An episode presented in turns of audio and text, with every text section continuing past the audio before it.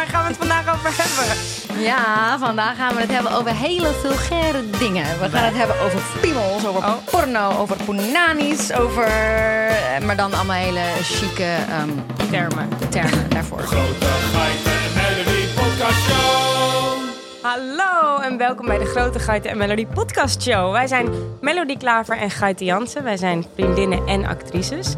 En wij hebben het elke aflevering over een onderwerp wat ons interesseert of intrigeert of aan het lachen maakt of huilen. Noem het maar op. Maar vandaag hebben we een hele interessante podcast, want Mel en ik hadden een onderwerp gekozen, namelijk... Porno. En toen zijn we allebei aan de haal gegaan. en toen zijn we zo enthousiast geworden, zoals dat wel vaker gebeurt bij ons. Yep. Dat we. eh, Iets te ver zijn doorgeslagen. ja, we hebben een beetje te veel informatie. dus we gaan deze aflevering opsplitsen in twee afleveringen. En we gaan beginnen met het goede gedeelte van de porno. Of het enthousiaste gedeelte, laat maar Het zeggen. ontstaan, laat ik het daarop houden. Oké, want het het is niet ontstaan. altijd eh, heel, heel positief. Maar Oh, het dat dacht ontstaan van porno en het ontstaan van eh, erotische afbeeldingen. Daar gaan we mee beginnen. En dan gaan we de tweede aflevering het hebben over het hele. Ja, dit heeft niks met porno te maken, maar het hele andere gedeelte van het dubbeltje. En dat is namelijk Harvey Weinstein en Me Too. Eigenlijk wel waar het in is doorgeslagen. Op Ja, misschien. Nou, ik, ben, ik weet dus niks van wat Mel vandaag gaat vertellen, dus ik heb er ook echt super veel zin in. Nee. Maar laten we beginnen met de eye-pitch. Oh ja, ja, ja, ja, ja. Heb jij een uh, eye-pitch? Ik wilde weer eye-pitch zeggen, eye-pitch. De eye pitch. Oké, ik zet de wekker aan. Alright. Ik heb zeker een leuke eye pitch. Ehm, een eye pitch. Wat zeg ik het weer? Eye pitch. Jesus.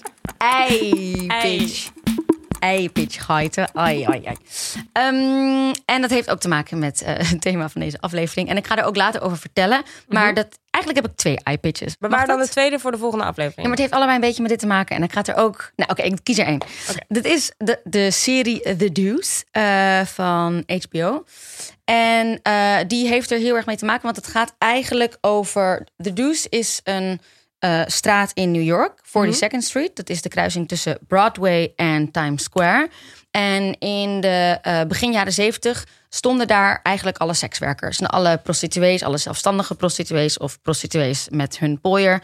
En die, eh, nou ja, die werkten daar voor geld. En eigenlijk volgt de serie dus heel veel mensen die op de dues werkten. Maar ook bijvoorbeeld politieagenten en, en de prostituees en hun pooiers. En eigenlijk ontwikkelt het zich per seizoen naar een, ja, een wat hoger segment, maar ook wat grimmiger. Want bijvoorbeeld eh, van de straten gaan ze naar seizoen 2 naar de porno-industrie. En in seizoen 3 gaat, nou ja, het evolueert natuurlijk. Mhm. Ehm, dus ik ga er niet veel over vertellen. De hoofdrollen worden gespeeld door Maggie Gyllenhaal en eh, James Franco. Maar ik ga daar straks inderdaad ook nog wat meer over vertellen. Dus eh, dit is eigenlijk gewoon mijn eye-pitch. Het is, het is heel vet. Het is een hele vette stijl. HBO zei je? HBO. Dus het is gewoon heel mooi om te zien hoe, hoe ze ook dat New York uit de jaren, begin jaren 70 hebben weergegeven. Vraag ik me dan toch af hoe ze dat dan ook doen. Want Ja, het is wel gewoon. e- toch? Is dat een echt studio? Volgens mij wordt dat helemaal nagebouwd. Wat Ik ben wel eens in zo'n studio geweest in LA en daar zie je echt, loop je gewoon zogenaamd door straten van New York. Dat is heel bizar. Ze bouwen het gewoon helemaal na. de echt straten ook. Echt absurd. Want het is echt New York, maar dan dus eh, troep. Ik, Troep? Wat?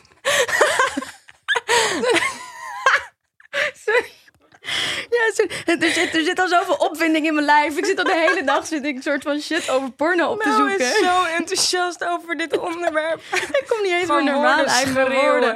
Ah, troep!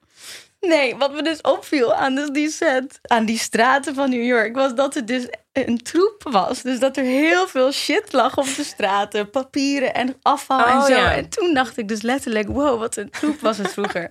nou ja, zet een aflevering op, dan weet je wat ik bedoel. Oké, we gaan letten op de troep. Ik Ja. heb ook een eye-pitch. Oké, okay, iPad's klaar. Ja, namelijk de voorstelling Othello van het Nationaal Theater. Hey. Want ik heb dit weekend de première gezien. En laat het nou net zo zijn dat Melody Klaver een van de grote rollen speelt. En ik vond het echt zo'n ontzettend prachtige voorstelling. Het is geregisseerd door Daria Bukvic. En Werner Kolf speelt Othello. Ja, doet hij echt als een baas. Dat doet hij echt als een baas. Maar ik moet eerlijk zeggen dat ik de hele cast zo goed vind. En ik vond de voorstelling echt zo prachtig. Na afloop van de première was van de tweede première, want ze hebben al ooit een keer een reeks gespeeld, maar het is nu door drie acteurs weer eh, vervangen, waar jij er één van bent. Ja. En eh, er was echt een staande ovatie van vijf rondes of zo. Het was echt bizar. Dus zo gevierd en iedereen had het er na afloop over. Het is echt een prachtige voorstelling. Dus als je de kans hebt, jullie spelen nog best wel eventjes, toch? Zeker, we gaan eigenlijk morgen, eh, is het dinsdag 21 januari eh, gaan, we, gaan we beginnen met de tour. Dus dan Nou, gaan perfect. we 40 Dus- keer spelen door het land. Perfect. Dus jullie, eh, je kan het nog zien. Dus als je dit hoort, boek meteen een ticket. Het is echt, echt een aanrader. Ja, Ook als je niet de- zo'n theaterkijker bent. Ja, wat, wat lief dat je dit doet. Wat lief dat je, dit je iPitch Ik vond is. het, het is, het is me een oprechte eye-pitch. Wat lief. Eye-pitch. Ik zal de, de, de link voor kaartjes dan ook wel even in de show notes Oh ja, heel goed idee. zetten.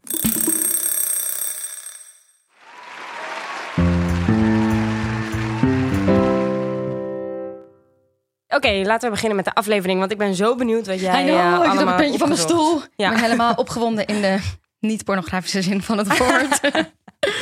Oké, waarom... Oké, Gait, eerst Ja. eigenlijk. Waarom de fuck gaan we het hebben over porno? Waarom hadden wij echt al aan het begin van deze podcast Ja. bedacht... Oké, wij gaan vroeg of laat eens het een keer hebben over Ja, seks. inderdaad. Wat in is dat? Ja, wat is dat? Nou, misschien ook grappig om te benoemen. Wij hadden dit idee dus al Ja. om het te hebben over seks in films... of erotische films of porno of... Of überhaupt, want Alles. jij vertelde ooit wel eens een feitje dat er... Nou, daar ga je zo over uitweiden. Maar jij zei ooit wel eens tegen mij... Ja, wist je dat er eh, vroeger echt nog pornosterren waren? Volgens mij hebben we het hier in een eerdere aflevering ook... is dat eventjes benoemd geweest. Ja. En dat er een hele andere industrie was, wist ik niet. Ja. En toen zei je, hier moeten we een keer een aflevering over maken. Klopt. En eigenlijk hebben we het met het Old Hollywood gedoe er ook al over gehad. Dat heel veel actrices ook een beetje werden uitgelenkt als Ja, hoer. Ga ik het ook allemaal straks over hebben. Uh-huh. Maar eh, goed, dus wij maar wat je wilden... wilde het- vertellen, wat toevallig is... Oh ja, wat toevallig is, is dat we ook heel veel eh, mailtjes hebben gehad van luisteraars. Dus voor Wat we degene... trouwens echt heel erg leuk vinden. Ja, en dus ook allemaal lezen. Dus voor degenen die zichzelf hierin herkennen, dankjewel. We hebben naar je geluisterd. Ja, Ehm, wat en veel in een paar van die mailtjes werd er gevraagd van... willen jullie het daar eens een keertje over hebben? Over Klopt. seks en films en hoe je daartoe verhoudt en naakt. Het werd op allerlei verschillende manieren. Werd dit onderwerp kwam ter sprake ook mee toe... waar we het de volgende aflevering over zullen hebben. Dus eh, we hebben het Ja. allemaal gelezen. En eh, nou ja, hier is de aflevering. Ja, ja, ja. Nou, dan gaan we toch maar even... Take it de- away, girlfriend. Take it away. Pornografie, ook wel afgekort tot porno. Even de definitie van de dikke vandalen. Eh, is het weergeven of suggereren van menselijke seksuele handelingen met het doel om seksuele opwinding te creëren. Ik neem jullie mee naar het aller, aller, aller begin van pornografie. Toen pornografie nog niet echt pornografie was, maar de erotische afbeelding. En dan meteen even een kleine side note over het woord erotisch, erotiek. Want eh degene die onze tweede aflevering over Ah. Griekse mythologie hebben gehoord, zullen zich vast nog herinneren dat dat woord afstamt van Eros. Oftewel Ja. Eros, de god van de liefde en de passie. Ook wel bekend als Cupido of Amor. Oftewel het prachtige verhaal van Gaite Jansen. Voor degenen die het hebben geluisterd. En anders nu meteen terug naar aflevering 2. Anyhow, terug naar porno. Ehm, bijna elke beschaving, oud en nieuw, hebben erotische afbeeldingen voortgebracht. Zoals schilderijen, beeldhouwwerken en een poosje later fotografie en films. Oude beschavingen ehm, vonden seks vaak spiritueel en brachten het vaak in verband met bovennatuurlijke krachten. Wat ik heel geinig vind. Heel Ehm, vet ook. In veel Aziatische landen zoals India, Nepal, Japan en China hebben afbeeldingen van seks een duidelijke spirituele betekenis. Binnen de inheemse religies zoals het Hindoeïsme, Boeddhisme en het Taoïsme. Denk maar aan de Kama Sutra. Dat is een Indiaas, voor degene, de meeste mensen kennen de term wel, maar eventjes uitleggen. Dat is een Indiaas leerboek over seksuele handelingen. En dit vond ik heel geinig. Bedoeld voor jonge stelletjes die vaak aan elkaar uitgehuwelijkd waren. Maar om zo een beetje de pit en de passie in de Mhm. Relatie te rammen. Ja, zo van, oké, eh, jullie moeten zeg maar met Super elkaar goed trouwen. idee maar eigenlijk. Een soort we- handboek van Ja. dit zijn alle opties die je kan doen. Even een beetje opsteamen, want anders is het wel een heel lang en saai leven zo. zo opgescheept met elkaar. Kan je net zo goed leuk hebben. Ehm, maar vooral voor de man om via seks de vrouw te behagen en zo haar oprechte liefde te winnen, voor zich te winnen. Oh, sick. Daarvoor was het eigenlijk bedoeld. Dus vrouwen, geef je vent een Kama Sutra boek cadeau, want daar heb je dus beide een lang leven plezier van. Nee, maar serieus, het is eigenlijk een heel ehm, vet boek. Ik heb me er een beetje in verdiept en het gaat dus niet alleen maar over tollies en poenies, maar het gaat ook heel erg over de Tollies en poenies. we gaan heel veel woorden vandaag gebruiken voor genitals. Dit zijn alvast de eerste twee. Eh, het gaat ook heel erg over de spirituele betekenis van liefde en seks. Over eh, eenwording, maar ook bijvoorbeeld over verleiden en over flirten. En zelfs over hoe je jezelf aantrekkelijk maakt voor een ander. Oh? Ja, de Indiërs die snapten het wel. En dat al allemaal twee eeuwen na Christus. Het is echt een super oud boek. Oh, sick. Ehm, in het Westen was inmiddels het Romeinse bestuur aan de macht. En ehm, eh, het Romeinse Rijk had weer het Griekse Rijk overgenomen. Nou, ook weer uit aflevering 2 een beetje terug te luisteren. Nou, daar heb je ze weer, die Grieken. Eh, de Romeinen pikten niet alleen hun grond in, maar ook hun gebruiken, tradities en hun goden. En ze gaven er hun eigen draai aan. En de oude Grieken en Romeinen maakten veel kunst met een erotisch karakter. En een groot deel daarvan was ook geïntegreerd in hun culturele gebruiken. Oftewel, in babytaal eventjes. De Grieken en Romeinen lusten er pap van. En seks was voor hun iets heel normaals. En niets om preuts over te doen. Men liep er vaak heerlijk bloot en, en sexy bij. En uh, op plaatjes of in films en series wordt dan ook vaak zo'n beeld geportretteerd van zo'n weet je, zo'n hot steamy orgie Ja. waar iedereen naakt rondloopt, in sexy kaarslicht en wijn drinkt en Ja, druiven klopt, aan elkaar inderdaad. voert. Toch? Dat is echt een Grieks beeld. Van, oh joh, vissa, daar wil ik ook bij zijn. of niet? Van die gebruinde lichamen. Ja, allemaal gespierd ook. Ja. Ziek gespierd. Ja. Eh, man met vrouw, man met man, vrouw met vrouw. Het kon echt nog allemaal. Sterker nog, homoseksualiteit was in het oude Rome geen taboe en werd gewoon als hartstikke normaal beschouwd. Gelukkig maar. Ja, dus inderdaad, zoals wel vaker wordt gezegd, waren de oude Grieken en Romeinen in zoveel opzichten mentaal vooruitstrevend. Ja. Een van de voorwerpen die opgegraven werd na de ontdekking van Pompeii, weet je wel, dat was Ja. die ruïnestad in eh, Italië, was een marmeren beeld van de god Pan die de liefde bedrijft met een geit. Nu is dit beeld zo gedetailleerd afgebeeld Ja. en werd het al zo heftig en obscene beschouwd dat het beeld nog steeds niet tentoon wordt gesteld en nog steeds in de geheime afdeling van het Archeologisch Museum in Napels staat. Echt waar? Yep. Kan je dit googelen? Ja, dit kan je. Of, nou zie, ja, of nee. in de zin van zie je dan een plaatje of Nee, wordt het gewoon... het is echt gewoon, het is gewoon tot- geheim. ge- totaal geheim. Wauw. Dit is gewoon, er wordt over geschreven van dit is te heftig. Ik vind het hilarisch. Those dirty little fuckers. Ehm, oh ja, dit is ook heel geinig om te weten. Eh, ze vonden grote piebels helemaal niet chill. dus, dus grote piebels werden als onwenselijk beschouwd en vaak ook afgebeeld om het belachelijk te maken. Echt waar? Ja, ja het was echt. Je Dus was, alles werd met een piemel wordt met een kleine piemel afgebeeld. ja, oh, maar nu snap ik waarom die, die Goliath, David Goliath zo'n kleine piemel heeft. Ik heb dat dus nooit hardop durven zeggen. Maar ik heb me dat zo vaak afgevraagd als ik langs al die oude Griekse beelden loop. Van hoezo zijn het zulke grote mannen met zulke kleine piemels? Oh my god. Nou, Maar- no. Maar is Die- dat het? Blijkbaar. Of is dat gewoon, of zijn wij gewoon ook. Nee, op- echt niet. En Ze vonden een, een, mensen waren de lul met een grote lul. Ze vonden het echt niet chill. Oh. Want misschien dacht ik ook, weet je, als die mensen worden afgebeeld, misschien staan ze model. Is het koud? Is het kei? Kan ook. Nee, dit is dus, nou ja, ik heb het, ik heb het gewoon. Dit is ja, misschien niet, hè? Misschien zijn er ook andere onderzoeken die het weer leggen. Maar er zijn heel veel plaatjes gevonden met zo iemand met een hele Wel leuk grote. als je hier echt heel lang onderzoek naar doet. I know. Het woord vallus is ook vaak gevallen met mensen met hele grote vallus. En die worden dan een beetje belachelijk gemaakt. Oh. Oké, goed. Ehm, ik ben misschien iets te ver teruggegaan in de tijd eh, Wel, voor nee. deze podcast. Dit en er top. komt zeker nog veel meer vunzigheid aan. Maar dit is toch hartstikke interessant om te weten. Ehm, in de eeuwen daarna, porncast. Deze teruggegaan porncast. in deze porncast. Ja. In de eeuwen daarna, dat is het begin van de middeleeuwen, waren erotische afbeeldingen niet helemaal verdwenen, maar wel zeldzaam. Ze waren namelijk alleen te krijgen voor de elite, die ze met opzet buiten het bereik hielden van de werkende klasse, uit angst voor de dierlijke en oncontroleerbare lust voor deze tussen aanhalingstekens ongeschoolde mensen.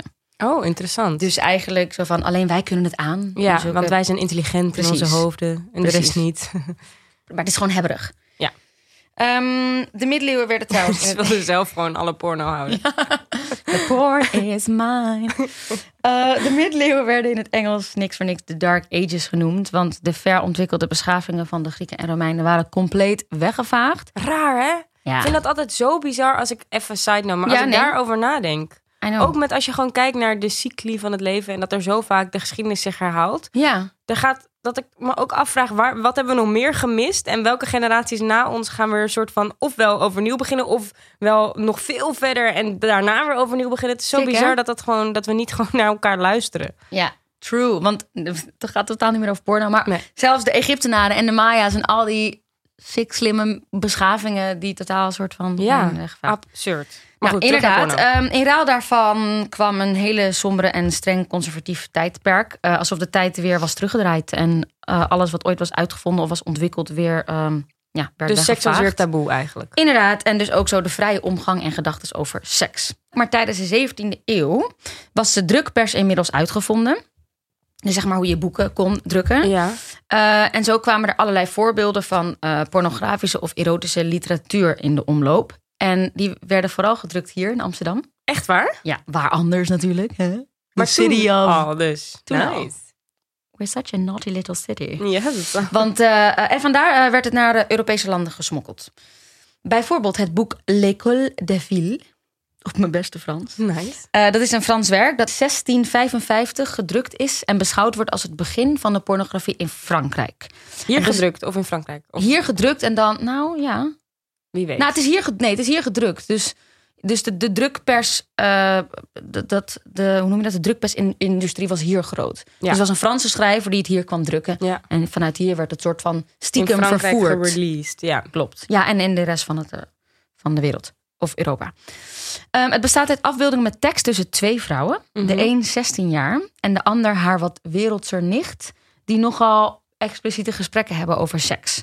Ehm, dus eigenlijk heel braaf. Gebeurt echt helemaal niks. Maar goed, dat was toen Maar echt- ze hebben gewoon expliciete gesprekken. Geen Ja. plaatjes. Jawel. Maar ze doen het niet met elkaar. Nee, oké. Mag ik hopen. Mag ik heel erg hopen. Eh, de schrijver is tot op heden anoniem gebleven. Hoewel enkele schrijvers die van het schrijven verdacht werden... in de gevangenis ervoor zijn gegooid. Nee. Zo zielig. Enkele, ook meerdere dus. Ja, ze van, oké, weet je, we nemen gewoon geen risico. Ja. Allemaal in de bak. Pleuren jullie allemaal in de bak.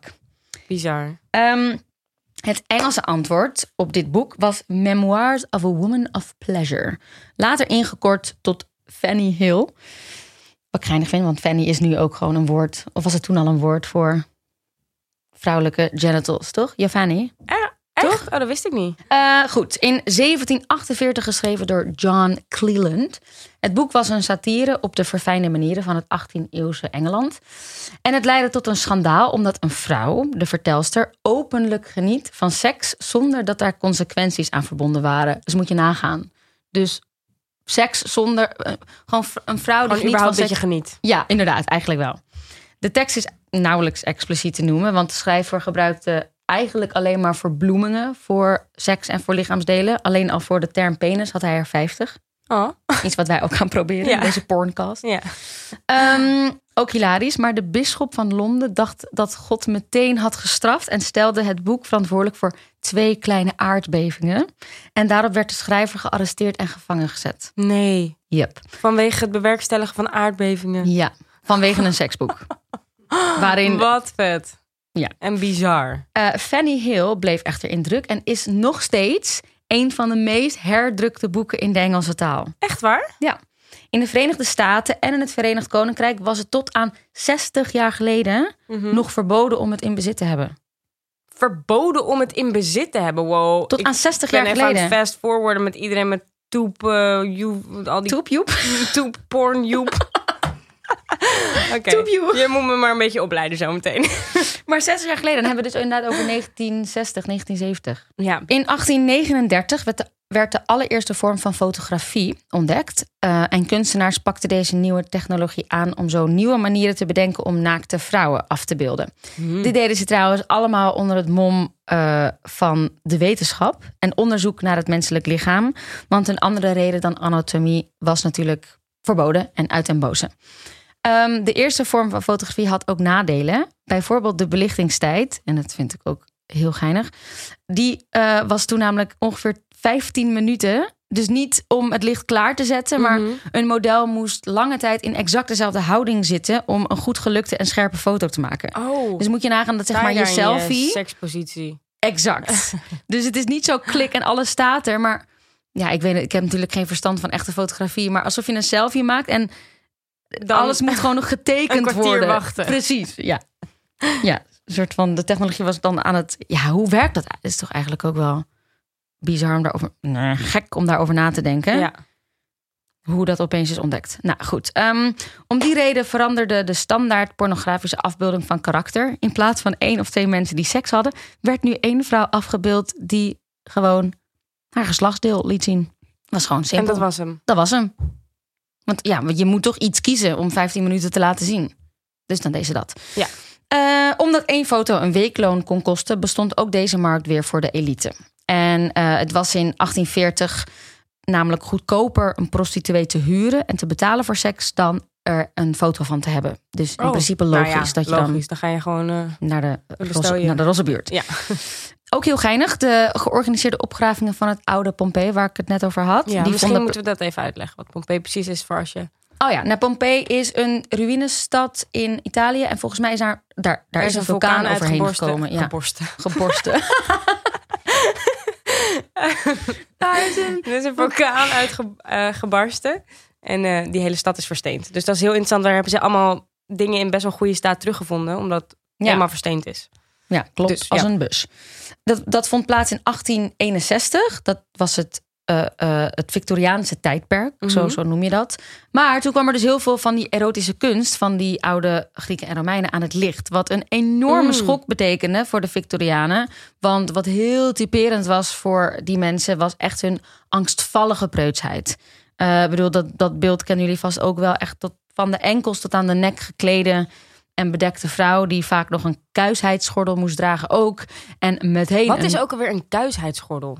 een, een soort van onderbroekje die op slot is... zodat je letterlijk Echt gewoon waar? niks kan doen. Maar ja. wat als je moet plassen? ja, daar zal wel... Nou, de, qua hygiëne waren ze sowieso niet heel erg eh, nauw vroeger. Volgens mij interesseerde dat ze niet zo heel veel. Misschien met een gaatje? Waar alleen plas doorheen kan. Ja, of misschien vragen of je even de sleutel mag. Ja. Nou goed, sowieso kregen eh, de vrouwen meteen al een strop om hun nek. Alleen al als ze aan een piemel dachten. En zoals gewoonlijk waren vrouwen de lul. Geinig, de lul. Want mannen mochten wel lekker hun ding doen. eh, mits ze dat niet al te publiekelijk deden. En die gingen dan ook lekker los in de tientallen bordelen... die grote steden zoals Londen en Amsterdam rijk waren. Het was weer allemaal heel erg eerlijk verdeeld. Even een kleine sprong in de tijd nadat fotografie met negatieven is uitgevonden. Wat betekent dat je meerdere versies kan ontwikkelen van één foto. Eh, wat betekent dat toen pas een echt grote markt voor porno- pornografische foto's mogelijk werd. En deze nieuwe mogelijkheid ehm, zorgde voor een nieuwe illegale branche. En dus voor een nieuwe soort zakenman, de pornohandelaar. Ah. Ehm, veel van deze handelaars profiteerden van de opkomende postbedrijven. Eh, omdat ze dan zo kaarten met foto's erop in Mhm. eh, een neutrale envelop naar hun klanten konden sturen. oh ja. Zeg maar als dekmantel. Dus de ontwikkeling van de post betekende eigenlijk ook de ontwikkeling voor de handel in porno.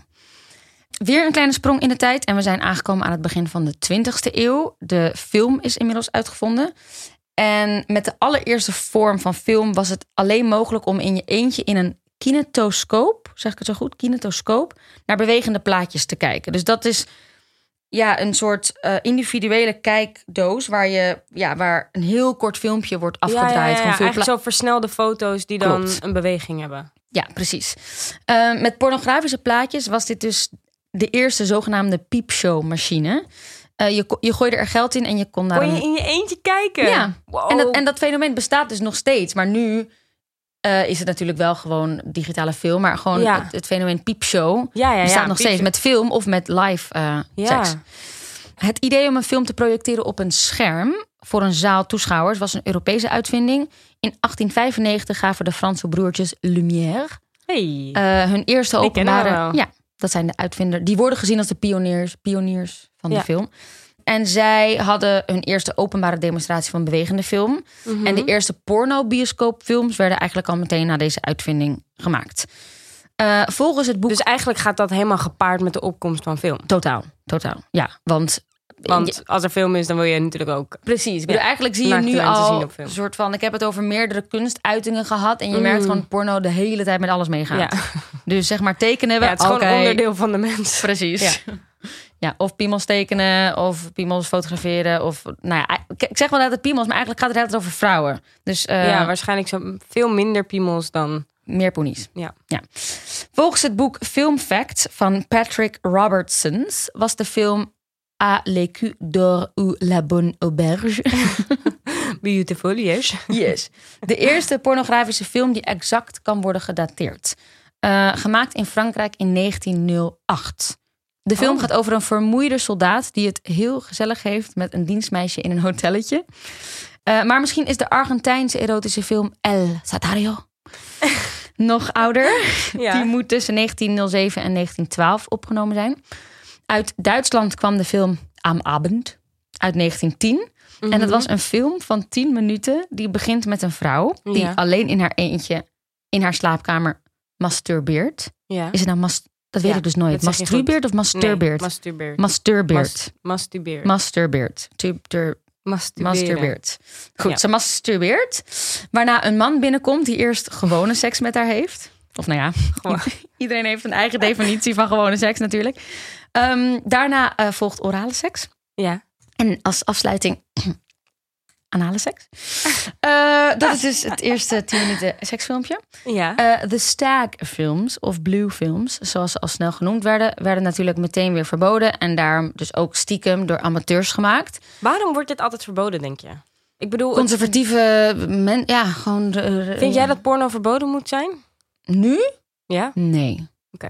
Eh, nee, er zit natuurlijk heel veel haken en ogen aan, net als met de, de, de Ja, prostitutie. het is moeilijk om te achterhalen wie er gedwongen wordt en wie niet. Ja, Natuurlijk. ja. Maar ik ben een beetje van mening dat alles wat verbiedt altijd op een heftige... Nou ja, dat is wel helder. Wat, het, het vindt ze weg wel. Het vindt ze weg wel. nou, ja, verboden is of niet. Er is klopt. porno sinds de middeleeuwen. En alles wat En verboden wordt, ben ik van mening dat vindt altijd wel zijn weg weer naar boven, maar dan op een veel heftiger en oncontroleerbare manier. Kijk maar ook naar drugs en alle Ja. drug wars en hele erge side note dit, maar ja. In- dan, dan gaan mensen weer tippelen achter het centraal, snap je? Ja. Dus het, het, het, is, het sterft niet uit. Ja. Je, je krijgt alleen geen vat meer op als je het illegaal maakt, lijkt mij. Mhm. Maar ik wil niet zeggen dat er veel beter toezicht op mag komen. Maar goed, ik ga weer even verder naar dit. Ja, side note. Was dat. Ja, dus die, die, eh, die eh, pornofilms werden eh, dus stiekem door amateurs gemaakt. En ik kan me echt niet voorstellen dat daar ook maar één actrice rijker of beter van is geworden. En dat zal ook wel niet. We verplaatsen ons nu naar Old Hollywood, of het oftewel het begin van Hollywood, waar we in onze derde aflevering uitgebreid over hebben verteld. Waar En- we trouwens zoveel leuke reacties hebben, hebben gekregen... dat we daar zeker nog een vervolg van opmaken. Mhm. Er zijn nog zoveel ver- verhalen Ja. Left to be un- untold. Hoe Ja. zeg je dat? Nee, nee. dat is een verkeerde zin. Maakt niet uit. In de jaren 40 ontstond het woord pin-up voor foto's of getekende plaatjes van sexy vrouwen die tijdens de Tweede Wereldoorlog door Amerikaanse soldaten uit mannenbladen werden gescheurd en aan de muur werden gepind. Ja, dat vertelde jij toen dat Marilyn Monroe dat ook heeft gedaan, Ja, toch? Ja, dat ja, precies, want-? Ehm, eh, Betty Grable en Marilyn Monroe waren eigenlijk de twee eerste en meest populaire pin-up modellen. Ja, ja, ja. Maar ik vond het wel grappig omdat ik het woord pin-up nooit begreep. Terwijl het is dus letterlijk iets wat je up Oh. pint. Oh, dat heb ik ook, die link heb ik ook niet gelegd. Ook de vorige Ja. keer niet. Ja, dus je, Oh. dus, maar in- ja, je scheurt het uit en Ja. je pint het up. Ja. ja. Ja. Eh, ehm, het accent eh, lag in de jaren 40 vooral op de benen en in de jaren 50 verschoven naar de boobs. En vanaf de jaren 50 ontwikkelde de pornografie zich in mannenbladen zoals de Playboy. Het begin van dit fenomeen is eigenlijk te herleiden tot de aankoop van een foto van, daar is ze weer, Marilyn Monroe, Mhm, door Playboy-oprichter Hugh Hefner mhm. in 1953 voor gebruik als centerfold voor zijn nieuwe tijdschrift Playboy. Play, Playboy. Playboy. Playboy. En een centerfold eh, is zeg maar. Zo'n openvouwer. Ja, dus dat zijn de twee middelste pagina's van een tijdschrift. Oh. Die dus ook het makkelijk zijn uit te scheuren vanwege de nietjes. Ah. En die kan je dus als poster ophangen. En als je zeg maar als model of als pin-up model op de centerfold staat, dan heb je het gemaakt. Oh, Het is zeg maar het, het dus Marilyn. Monroe had het gemaakt. Ja, you're a centerfold model. It's a thing. En zoals je in onze vorige aflevering hebt gehoord, was het in het oude Hollywood eigenlijk tot aan een jaar geleden ongeveer, of misschien nog steeds, nogal foute boel wat betreft seks, onderdrukking en misbruik. Wat we ook vertelden eh, is bijvoorbeeld dat veel actrices zoals Marilyn Monroe en andere actrices die onder contract stonden bij grote filmstudio's zoals MGM, Warner Brothers of 20th Century Fox bijvoorbeeld als avonddate werden uitgeleend aan de studiobazen of aan hun zakenrelaties. En seks hoorde daarbij. Ehm, net als in het oude Parijs, in, het tijd, in de tijd van de Moulin Rouge, Mhm. waarbij je grof geld kon betalen om met de hoofdactrice naar bed te gaan. Echt waar? Ja. Bizar, hè? Dat die twee dingen zo dicht bij elkaar liggen. Heb je de film Moulin Rouge gezien? Met, eh, Zeker. nou ja, Nicole Kidman wordt toch aan het begin ja, van de film toch ook als courtesan eh, moet zij met iemand naar bed gaan. En Dat is ook zo. Ja. Maar dat was gewoon normaal dus. Apparently, ja. Oh, maar daar ga ik, ja, dat, daar kom ik nu op. Want over het algemeen werden actrices en ook acteurs, maar voornamelijk actrices, voor het tijdperk van de film en dus voor alle roem en het respect voor het vak, niet echt gerespecteerd door de elite. Het idee dat een vrouw zichzelf zo liet zien voor een groot publiek was iets waar eerder op werd neergekeken dan tegenop gekeken. Ook al waren ze Ah. gekleed. Dus je was niet echt. Ja, je gaf je bloot op, op een bepaalde manier. ja, En daar werd, werd naar neergekeken. Ja, je hoorde echt niet bij de elite. Zeg maar, we hebben het hier Snap ik ook wel over eigenlijk. gehad. Want ik kan me ook wel voorstellen als die elite, als je dat vanuit je verhaal, dat dat zo dat dat zoveel regels betreft. Ja, Maar eigenlijk is het interessant, hè? Heel even weer een side note. Maar Ja. Meghan Markle, zo ja, ja, ja. Die was ook actrice. Maar Ja. natuurlijk, zodra ze zich bij het... Nu, ik bedoel, nu is er hele brexit gaan natuurlijk tussen hun tweetjes en het Koningshuis. Maar ja. eh, als zodra zij zich bij het Koningshuis voegde, mocht ze niet meer als actrice werken. Nee, dus er- dus eigenlijk Grace is het- Kelly. ja, dus er is eigenlijk... Misschien heerst er nog steeds wel zoiets van... Je moet je natuurlijk op een bepaalde manier gedragen als je uit bepaalde kringen komt. Klopt. En acteurs en actrices, of kunstenaars in general... eh, denk, zijn natuurlijk, worden getypeerd als tussen aanhalingstekens vrije denkers. Dus Zeker. En nog steeds. Ik bedoel, ik hoor nog steeds verhalen van mensen, jonge mensen die acteur willen worden, waarbij de ouders het gewoon niet goedkeuren. Ja, maar in, grappig, zo stom, want in mijn hoofd gaat het altijd over dat je dan geen stabiel inkomen hebt. Maar Ja, het is totdat je opeens veel meer dan super rijk dat. en beroemd bent en dan is het Exact. opeens, eh, oh supergoed, we hebben je altijd gesteund. Ja. No, you didn't. Ja, Toch, maar er heerst wel. Er hangt iets omheen inderdaad. Ja, iets nou, hoerigs. Ik heb, ja. Maar ja. overigens eh, eh, niks mis mee is. nee, maar ik ken zeker ook echt wel, eh, ja, persoonlijke ervaringen met wat elitairdere mensen die daar, oh, ac- actrice, oh, oké. hmm. Ja, maar terug naar het begin van de pornofilmindustrie. Dat er heel loge met deze kwetsbare vrouwen werd omgegaan buiten hun werk op het toneel of de set, weten we inmiddels. Maar we zijn nu aangekomen bij de opkomst van de legale porno-industrie. In Nederland trouwens werd pornografie in 1969 gelegaliseerd. Dus porno is legaal in Nederland? Ja, zeker. Absoluut. ja, dat wist ik eigenlijk niet. Absoluut. Oké, natuurlijk, Ja. uiteraard. Waarom niet? Ja, daar ga ik Ja, over vertellen. natuurlijk, inderdaad. Want je kan We gewoon naar de dam... Huh? We hebben sterren, we hebben Oh. pornosterren. Dat komen, die, komen, die komen nog. Oh, Joh. leuk. En hier is... Nee. dat zou ik zo daar klaarstaan. Ja. En dat wij ook gewoon gaan vertellen wat we zien. Ze doet nu, ze doet Ja. haar mond om iets... Oh, dat, oh, oeh, die ga ik onthouden. Nee, terug naar de serieuze noot. Eh, Porno werd dus gelegaliseerd. Porno werd gelegaliseerd in 1969. Wat echt leidde tot een explosie. Of moet ik zeggen, een orgasme aan commerciële pornografie. Het land was er helemaal klaar voor. Nu pornograaf een legaal beroep was geworden, was er geen gebrek aan ondernemers die wilden investeren. Enorme hoeveelheden van deze nieuwe pornografie, zoals tijdschriften als films, werden naar andere delen van Europa gesmokkeld waar het nog steeds illegaal was. En, het on- en daar werd het onder de toonbank verkocht of alleen voor leden te zien, tussen aanhalingstekentjes doe ik nu, in bioscopen. Ja. Dus ook alsnog stiekem.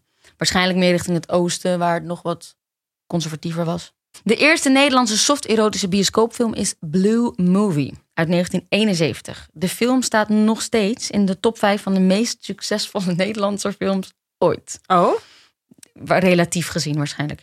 Ehm, de Nederlandse actrice Sylvia Christel speelde in de Franse soft-erotische film Emanuelle in 1974 en werd wereldberoemd. Ja, maar haar naam echt komt mij zeer bekend voor. Ja. Zij is, dat is, dat is dus grappig. Dus vroeger was je als pornoactrice of als soft-erotische ac- actrice, was je ook echt... Bless you. Bless you again. Ga je te niesten, voor degene die het niet begreep. Pardon. Ehm, maar dat waren ook echt wereldberoemde actrices. Dus zij is daarna ook gewoon echt meer andere dingen gaan spelen. Dus zij is niet per se alleen in de pornografie gebleven? Nee, Ook nee, films. want- Ja, precies. Want soft-erotische films was niet letterlijk, weet je, wat Het wij nu... Het was niet letterlijk zo, weet je... Geen penetratie. Nee, het was niet Mel echt- doet nu het gebaar voor penetratie. Oh ja. nee. Nee, dus het was gewoon iets meer... Er zat, er zat echt een verhaal in met tekst en je had een personage en er was een boog in het verhaal. Het Ja. had een script, het had een Een première. beetje zoals die eh, roman, romannetjes, of niet? Die we ook in de Albert ja, Heijn ja, gewoon precies. kopen. Het was een beetje zo. Dus Ja. ze werden echt, nou ja, zij was wereldberoemd. En in de jaren later komen andere bekende pornoactrices uit Nederland steeds vaker in het licht, zoals Helene Duval, Bobby Eden en Kim Holland. Ja, natuurlijk. Ja, maar natuurlijk. Ja. Eden. Wie kent haar niet? Kim Holland. Kim Holland. Leuke vrouw. Nou, vind ik serieus, leuke vrouw. In Hollywood was in 1972 de pornofilm Deep Throat in première Oh, ja. gegaan. Wat is daar ook alweer over? Ja. En trouwens, ik zeg première omdat deze pornofilms, net als dus de Nederlandse en Franse pornofilms die ik net noemde, gewoon in de bioscoop kwamen en gewoon een echte première hadden met een rode loper. Misschien in een speciaal theater, maar het was zeker glamorous. Ja. Ehm, ik Gewoon durf- net als eh, Angelina Jolie. eh, Klopt, gewoon net als een, een, een andere film, maar dan zonder seks. Eerder waarschijnlijk. Ja. Precies. Ik, ik durf trouwens te wedden dat de filmpjes van Pornhub nu geen première meer hebben, maar toen wel. Nou, er zijn wel Pornhub Awards. Klopt, want Oh. vanaf Ja. 1984 kwamen de AVN Awards in beeld. Wat Filmprijzen van het tijdschrift Adult Video News. Ja. Die sinds 1984 jaarlijks worden uitgereikt aan acteurs, actrices, regisseurs en andere filmproducenten in de film in de porno-industrie. En er worden tientallen prijzen toegekend, waaronder de Best New Starlet, Best Orgasm en de Best Female Performer en dus nog heel veel andere. Ja. En ook dit gebeurde met veel glitz en glam en dat gebeurt nog Glitz steeds. en glam. Glitz en glam. Anyway, Deep Throat. Jouw Ja. vraag. Ja. Wat was het ook alweer? Ja. Een mega sensatie was dat en een mega hit. De opbrengst van de film ligt volgens schattingen tussen de 500 tot 1200 miljoen dollar. Wow. Dat is echt. Crazy Crazy veel. veel. De film gaat over een arts die bij een seksueel gefrustreerde vrouw vaststelt dat haar clitoris zich in haar keel Ja, bevindt. dat was het. Maar wie is die actrice ook alweer? Linda Lovelace. Linda Lovelace was een wereldberoemde actrice ook, of Ja. pornoactrice, hoe je het dan ook wil noemen. Die zelf ook een heel omstreden leven leidde, waarin ze veelvuldig werd misbruikt. Ja. Dan ga je weer. En eh, werd gedwongen. Ja, en heeft zij ook niet geclaimd dat zij gedwongen is in deze film tot scènes die zij niet wilde doen? Ja. Ja, exact. Zo. En daar Zo zijn heel veel eigenlijk. biografieën en boeken over geschreven, over haar. En ook films gemaakt, waaronder Lovelace met Amanda Seyfried in de hoofdrol. Aha. hoofdrol. Aanrader trouwens. Dus dan zijn we aangekomen bij The Deuce, waar ik net eigenlijk over vertelde. Die serie. ehm, wat zich dus afspeelt in New York. ehm, de Red Light District. Waar veel zelfstandige prostituees dus werkten. eh, of prostituees met hun pooiers. Mhm. En de markt voor deze sekswerkers kwam nogal onder druk te staan door de opkomende porno-industrie vanaf de begin jaren 70, ook in Amerika dus. Eh, en veel prostituees werden opgepikt, ontdekt, tussen aanhalingstekens. Of ze reisden zelf af naar LA om daar veel meer geld te gaan verdienen met. Oh, ze, Het dus werk eigenlijk dat gewoon ze- hetzelfde als wat actrices deden. Niet in de porno, gewoon naar Hollywood om, het, om door te breken. Nou ja, maar dan om naar het werk te Hollywood doen- om porn, als pornoactrice door te Precies, ze breken. deden het werk toch al. En waarom Ja. daar niet veel meer geld mee verdienen? Eh, maar dan in een, in een warme stad in plaats van de koude straten van New York. Maar, en dan op een schone set in plaats van in steegjes of troep. auto's. Al die troep. Ja, die troep. Ja. En in bescherming van een agent of een manager in Ja. plaats van hun... Dus er zijn ook hele management en agentschappen ja, voor pornoacteurs. Oké. Sommige pooiers die hun meisjes, weer met aanhalingstekens, Ja. eh, uit hun vingers voelden glippen, probeerden hier met alle macht iets tegen te doen. En er zijn dan ook genoeg prostituees die hun gewelddadige bezitterigheid niet hebben overleefd. Maar dus, kijk die serie, dit gaat er allemaal ja, over. super interessant. Ja, ik, heel, weet er echt, ik sta er helemaal Het is heel dope. Ehm, wat ik al zei, met Maggie Gyllenhaal en James Franco in de hoofdrol. Alleen die laatste kwam alleen, heel lelijk, in opspraak tijdens het MeToo-schandaal. Ja. En daar ga jij eh, op inhaken later. Ja. Eh, en sindsdien moest er een zogenaamde intimiteitscoördinator op de Ja. set aanwezig zijn... om de vele seksscènes in goede banen te leiden. Maar dit is in niet-pornofilms. Of in Dit is in de douche. Dit is gewoon echt in de serie De Douche. Ah, oké. dus, oké, dus die, eh, die intimiteitscoördinators zijn ook in pornofilms nu aanwezig. Nee, nee, The Douche gaat oh, gewoon zeg in die serie bedoel je? Ja, Oké. dus gewoon James Franco. Ja. Want hij was niet alleen acteur, maar ook executive en ook Ja, ja, ja. regisseur op een gegeven moment. Dus op een gegeven moment was er gewoon een intimi- intimiteitscoördinator. Maar jij hebt me ook wel eens verteld dat jij daarmee hebt gewerkt. Zeker, ja. In Amerika ook, met een intimiteitscoördinator. Maar dat is natuurlijk niet... Ik weet niet hoe dat zit in de porno-industrie... maar in de niet-porno-industrie, maar de filmindustrie... daar, door dat hele MeToo... waar we het in de volgende aflevering over zullen hebben... eh, wordt er nu inderdaad gewerkt. met dus iemand, eigenlijk een tussenpersoon tussen jou en de producent... of jou en de regisseur als acteur zijnde... waar je altijd naartoe kan met al je vragen over... hoe gaan we dit nou eigenlijk filmen... of waar je je prettig bij voelt of niet prettig bij voelt... of eigenlijk alles wat te maken heeft met onheuse bejegening. Ja. Eh, zodat er meteen iemand is die niet partijdig is en die direct correct kan handelen. En waar ligt dan de grens? Zeg maar. Oké, ja, ik denk dat het heel erg verschilt per, per situatie en per individu. Ik denk dat het daarom ook best wel goed is dat zo'n in- intimiteitscoördinator aanwezig is, omdat die gewoon in principe er is om gewoon die, elke situatie per, per eh, individu zeg Ja. maar, te bekijken wat de juist is om te doen. En ga jij dan ook van tevoren naar hem of haar toe van... hey, als ehm, his genitals are too close to my face, I'm not okay? Of... Nou ja, het wordt natuurlijk als je in, in, een, in een film speelt wat niet porno is, maar een gewone film waar wel een seksscène in voorkomt, dan wordt dat heel helder van tevoren afgesproken. Ja. Dus dan heb je van tevoren al genoeg gesprekken met de regisseur, de cameraman, nou ja, een intimiteitscoördinator zit daar dan bij. En dan wordt alles wordt heel helder afgestemd en afge, weet je, er, er afgeschermd. Er is niks spontaan. Nee. Dus in principe heb je dat van tevoren allemaal super goed uitgesproken. Wat, wat er wel en wat er niet ja, kan. Of wat je wel of wat je niet wil. Wat je wel of wat je niet prettig vindt. En merk je dat het echt is na het MeToo-ding? Of was het daarvoor? was er Nee, ook die al intimiteitscoördinator is helemaal nieuw. Dat is Ja? sinds MeToo. Daarvoor was dat Oh, er wauw, niet. Dat is echt wel bijzonder om te weten. Ja, nee, daarvoor was dat er echt absoluut niet. En in Nederland? Was, wat het ding toen was, was dat je dan gewoon direct met de regisseur bespreekt. Maar Ja. omdat ze er dus achter gekomen zijn dat een regisseur in een machtspositie staat en daar dus soms ook misbruik van gemaakt Ja. heeft in de geschiedenis. Eh, oh, en, en dat zal nog steeds wel eens voorkomen. Is er, hebben ze dus besloten, daar moet iemand bij zitten. Ja. Een onpartijdig iemand. Iemand die niet voor een studio werkt. Iemand die niet, snap je? Iemand die gewoon ja. los staat van de situatie en het echt goed kan bekijken. Wat geinig. Dus het heeft ook echt zeker de weg geplaveid voor gewoon nieuw, nieuw werk. Nieuwe werkgelegenheid Ja, klopt. die- Maar het is nog dus een hele nieuwe functie. Dus de Ja. mensen die nu die functie bekleden, dat is ook best grappig. Dat is nog best wel onwennig. En waar komen ze vandaan? Exact. Dat zijn gewoon mensen uit andere werkgebieden, zeg maar, Maar binnen de film. seksuologen? Of, Nee, nee, nee. nee eh, ehm, opnameleiders, ja, ja. eh, assistent opnameleiders. Die dan nu...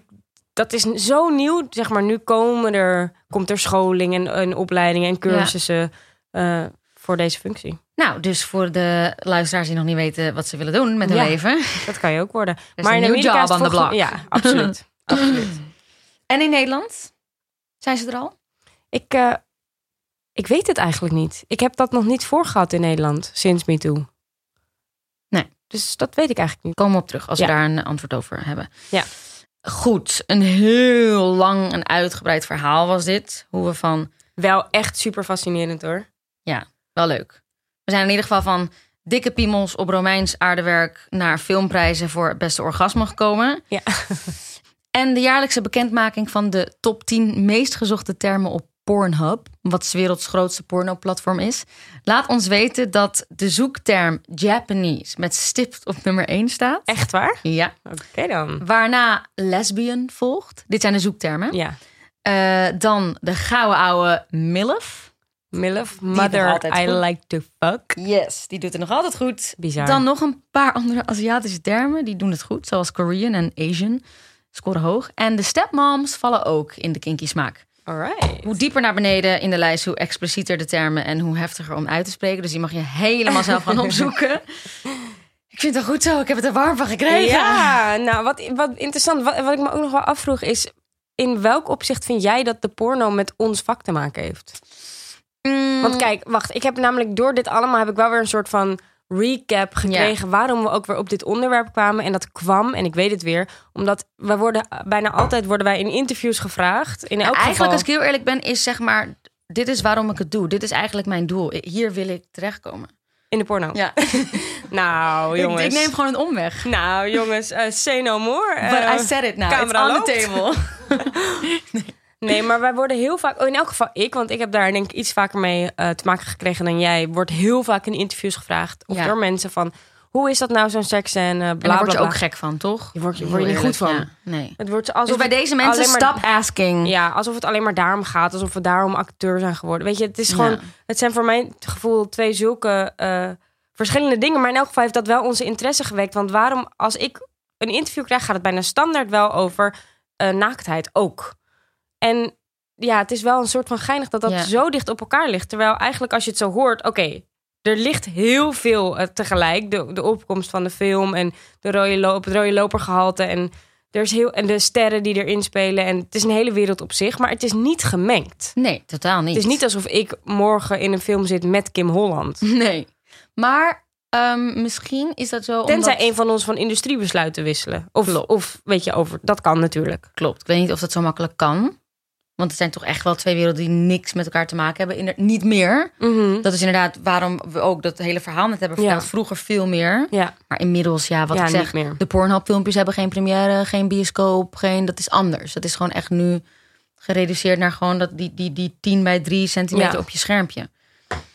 Ehm, maar wat misschien wel grappig is, waarom mensen het je misschien vaak vragen, is omdat het beeld van de Nederlandse film toch vaak wel is dat, oh ja, of Europese film, maar van ja een klopt. Nederlandse Van jullie film. zijn makkelijker. Jullie gaan makkelijker uit de kleren. Wat is dat dan? Waar, kan je daar wel iets over ik denk, zeggen? Ja, ik weet het niet. Ik denk dat dat ook echt te maken heeft met dat het gewoon ook zo is. Als je kijkt naar Nederlandse films, weet je, ik ben echt opgevoed met het idee. Ja, maar als je acteur wil worden, dan moet je ook oké zijn met dat je af en toe seksscènes gaat doen. En dat heb ik ook gedaan. Ja. Eh, maar het is ook een bepaalde opvatting waarmee je grootgebracht wordt. Ja. En ik ben nooit daarvoor actrice geworden. Ehm, met het gedacht van, oh leuk, daar kijk ik naar uit. Ik heb altijd ge- gewoon een soort van geleerd van, dat, is, dat, is een, dat hoort erbij. Ja. En dat moet je, daar moet je sterk genoeg voor zijn of zo, om dat eh, eh, er ook maar bij voor lief te nemen. Tuurlijk, even voor de helderheid, er wordt nooit echt gezoend. Nooit met tong. Er wordt nooit Tenzij echt... je het wil. Maar, zel, maar zelfs dan zou ik dat wel even met je collega overleggen. Ehm, er wordt nooit, ehm, je gaat, weet je, er wordt nooit gepenetreerd of whatever. Allemaal, of überhaupt raak je elkaar nooit echt aan. Nee, want dat is ook wel grappig om te zeggen. Stel, je hebt bijvoorbeeld wel films gehad die echt een beetje neigen naar het soft erotische. Maar Ja. dan komen er meteen pornoacteurs Ja. als stand-in. Ja. Ja. Zeg maar, er wordt een heel helder onderscheid gemaakt tussen waar het kan en waar het niet kan. Maar het is natuurlijk wel zo, als je naar, toen ik naar Amerika ging voor het eerst, toen kwam ik erachter dat mensen worden met een hele andere opvatting opgevoed. Voor hun is het niet een, per se een consequentie als je acteur of actrice bent, dat je dan ook seksscènes moet doen. Of in elk geval, weet je, je kent wel. In, in Amerika gebeurt het heel vaak dat ze zo dan zo aan het einde van de zogenaamde seks zo van elkaar afrollen en dan hun BH nog aan hebben en hun deken tot boven hun borst en dan zo uitblazen van de heftige Ja, ja, moment wat we niet hebben gezien. Ja, ja. Dus het is denk ik ook gewoon een verschil in, in opvatting waarin het klopt dat als het over Nederlands film gaat, het ook vaker over. Ik, dat is nu niet meer zo, denk ik hoor. Nee, ik heb het gevoel dat Maar het wel vroeger wel. shift. Is het ook niet zo omdat wij Nederlandse films konden vanaf eh, ja, van vroeger niet echt imponeren met grote budgetten en grote actie en grote dat soort films. Dat of ze misschien, ja, dat je. eerder moesten chockeren met juist zulke waarachtigheid, zulk, zulk realisme dat daar gewoon naaktheid en seks mee gepaard ging. Snap je? Dat Ja, dat ook een beetje je het ding Nou, was van de Nederlandse een film. Onderdeel, wat ik, ik heb wel eens een gesprek gevoerd met een regisseur. eh, toen wij Schemer draaiden, Hanro Ja. Smitsman regisseerde dat. ehm, een film die ging over. Die was gebaseerd over, op de moord op Maya Braderic. Die is door haar. Dat is een, dat, het is niet de film, maar dat is een meisje die is door haar vriendenclubje eh, vermoord. En daar gaat, de film gaat over een ander meisje die door een andere vriendengroep wordt vermoord op een hele andere manier. Maar toen hadden we het ook heel lang over, want die moord zit echt in de film. Ja, Eh, en toen hadden we het, weet ik nog heel goed, met Hanro erover. Die zei, ja, maar wat ik zo raar vind... is dat we het heel normaal doen over... Er zit overigens geen seks in Schemer. Maar we kwamen dat eh, te bespreken op een of andere manier. En hij zei, ik vind het heel raar dat wij zo alles maar laten zien van de mens. Weet je, dus als er eens een keer iemand wordt vermoord... of kapotgeslagen of bloed of ja. whatever... daar doen we echt niet moeilijk over. Maar we, we doen over één ding geheimzinnig en dat is seks. ja. Dus ik kan me ook alweer voorstellen dat het misschien een soort van Europese gedachtegoed is van we gaan alles aan het leven laten zien. Ja. We zijn veel minder filter en minder glamour dan de Amerikanen bijvoorbeeld Ja, zijn. en ook gewoon heel plat gezegd, wij zijn gewoon veel minder conservatief. Dat zal onder de rivieren nou ja, dat is misschien echt wel anders dat zijn, maar komt uit jouw verhaal ook. Ik bedoel, Nederland was is het of we zijn vooruitstrevend qua seks, qua drugs, gebied. qua inmiddels alles. misschien is dat misschien wel veranderd of aan het veranderen, Ja. maar dat, dat waren we absoluut. Dus dat zou ook wel meegespeeld hebben. Ja, Maar goed, in elk geval, zo kwamen we inderdaad, oh, ik weet ik ineens weer, op dit onderwerp van, van porno. En, en dat we eens gingen uitzoeken hoe Ja. erg we nou ook alweer op elkaar lijken. De Ja. porno-industrie en de filmindustrie. Maar ik moet zeggen, het blijft voor mij wel echt een hele gescheiden industrie. Want ik weet hier ook helemaal niks van. zeker. Maar het ik bedoel, feit is wel, als mensen het hebben over Nederlands film, ja, er is altijd na, er is altijd een naaktscène. Er is altijd, dat zegt een vriendin van mij altijd, er is altijd een scène dat iemand valt op het begin. Er is altijd een scène dat iemand plast. En er is altijd een scène dat iemand naakt rondloopt. En toen dacht ik, dat is best wel waar. Ja, er zit wel echt ik, bizar. Maar ik heb wel het gevoel dat het aan het veranderen is ja, hoor. en dat is een hele goede verandering, omdat inderdaad, we hebben niet meer. Na, want het zijn vaak toch, als ik heel eerlijk ben, de vrouwen die naakt gaan. Absoluut. De keer En dat je is- borsten versus piemels in beeld ziet, is echt... Ja. En het is ook niet meer nodig om op die manier het publiek te, te chockeren. Weet je, choqueer gewoon met een fucking goed verhaal. Ja. Choqueer gewoon met steengoede acteurs. Ja. Choqueer gewoon met een Emoties. met emoties, met een lijpe plot twist en niet Ja. met oh kijk, we gaan weer naakt. Want het is toch inderdaad vaak ook een manier geweest. Het heeft te maken met realisme en het heeft ook te maken met een mooie weergave van de werkelijkheid. Daar is Handro heeft daar helemaal gelijk in. Ja. Maar het is vaak ook, hoe noem je dat ook weer, functioneel naakt. Dat is dat het vaak on, Ja. dat het dus Ja, functioneel naakt à la. Maar gewoon eh, eh, seks om de seks. Of naakt om naakt om borst om de borsten. Of whatever. Of billen om de billen. ja. Want inderdaad, zijn we wel een beetje eigenlijk, klaar als het functioneel naakt zou moeten zijn, zou je ook de man naakt moeten zien. Absoluut. en dat is Pik nou voor altijd kut. pik voor kut. maar de man zegt altijd, no, no dollar for you. Ja. Ja, Dollo stays in de bench. We hebben nu hoeveel termen al gehad? We zitten op vijf. want dat kunnen we beter. Kunnen we beter. Oefenen.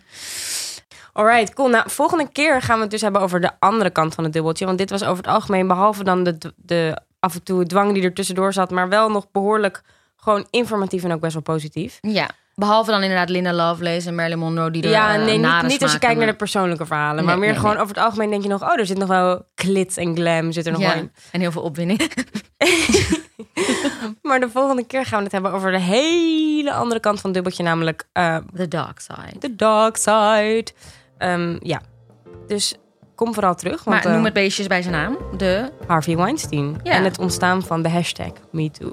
waar ik heel benieuwd naar ben. Want ik lul wel altijd mee met iedereen. Maar ik heb eigenlijk geen idee hoe het nou echt is begonnen. Exact. Nou, ik ga je uit de brand helpen. Oké, Volgende keer. alright. Oké, mail ons vooral als je vragen hebt of dingen wil zeggen of nieuwe onderwerpen wil aandragen naar de grote podcastshow at dagennacht.nl.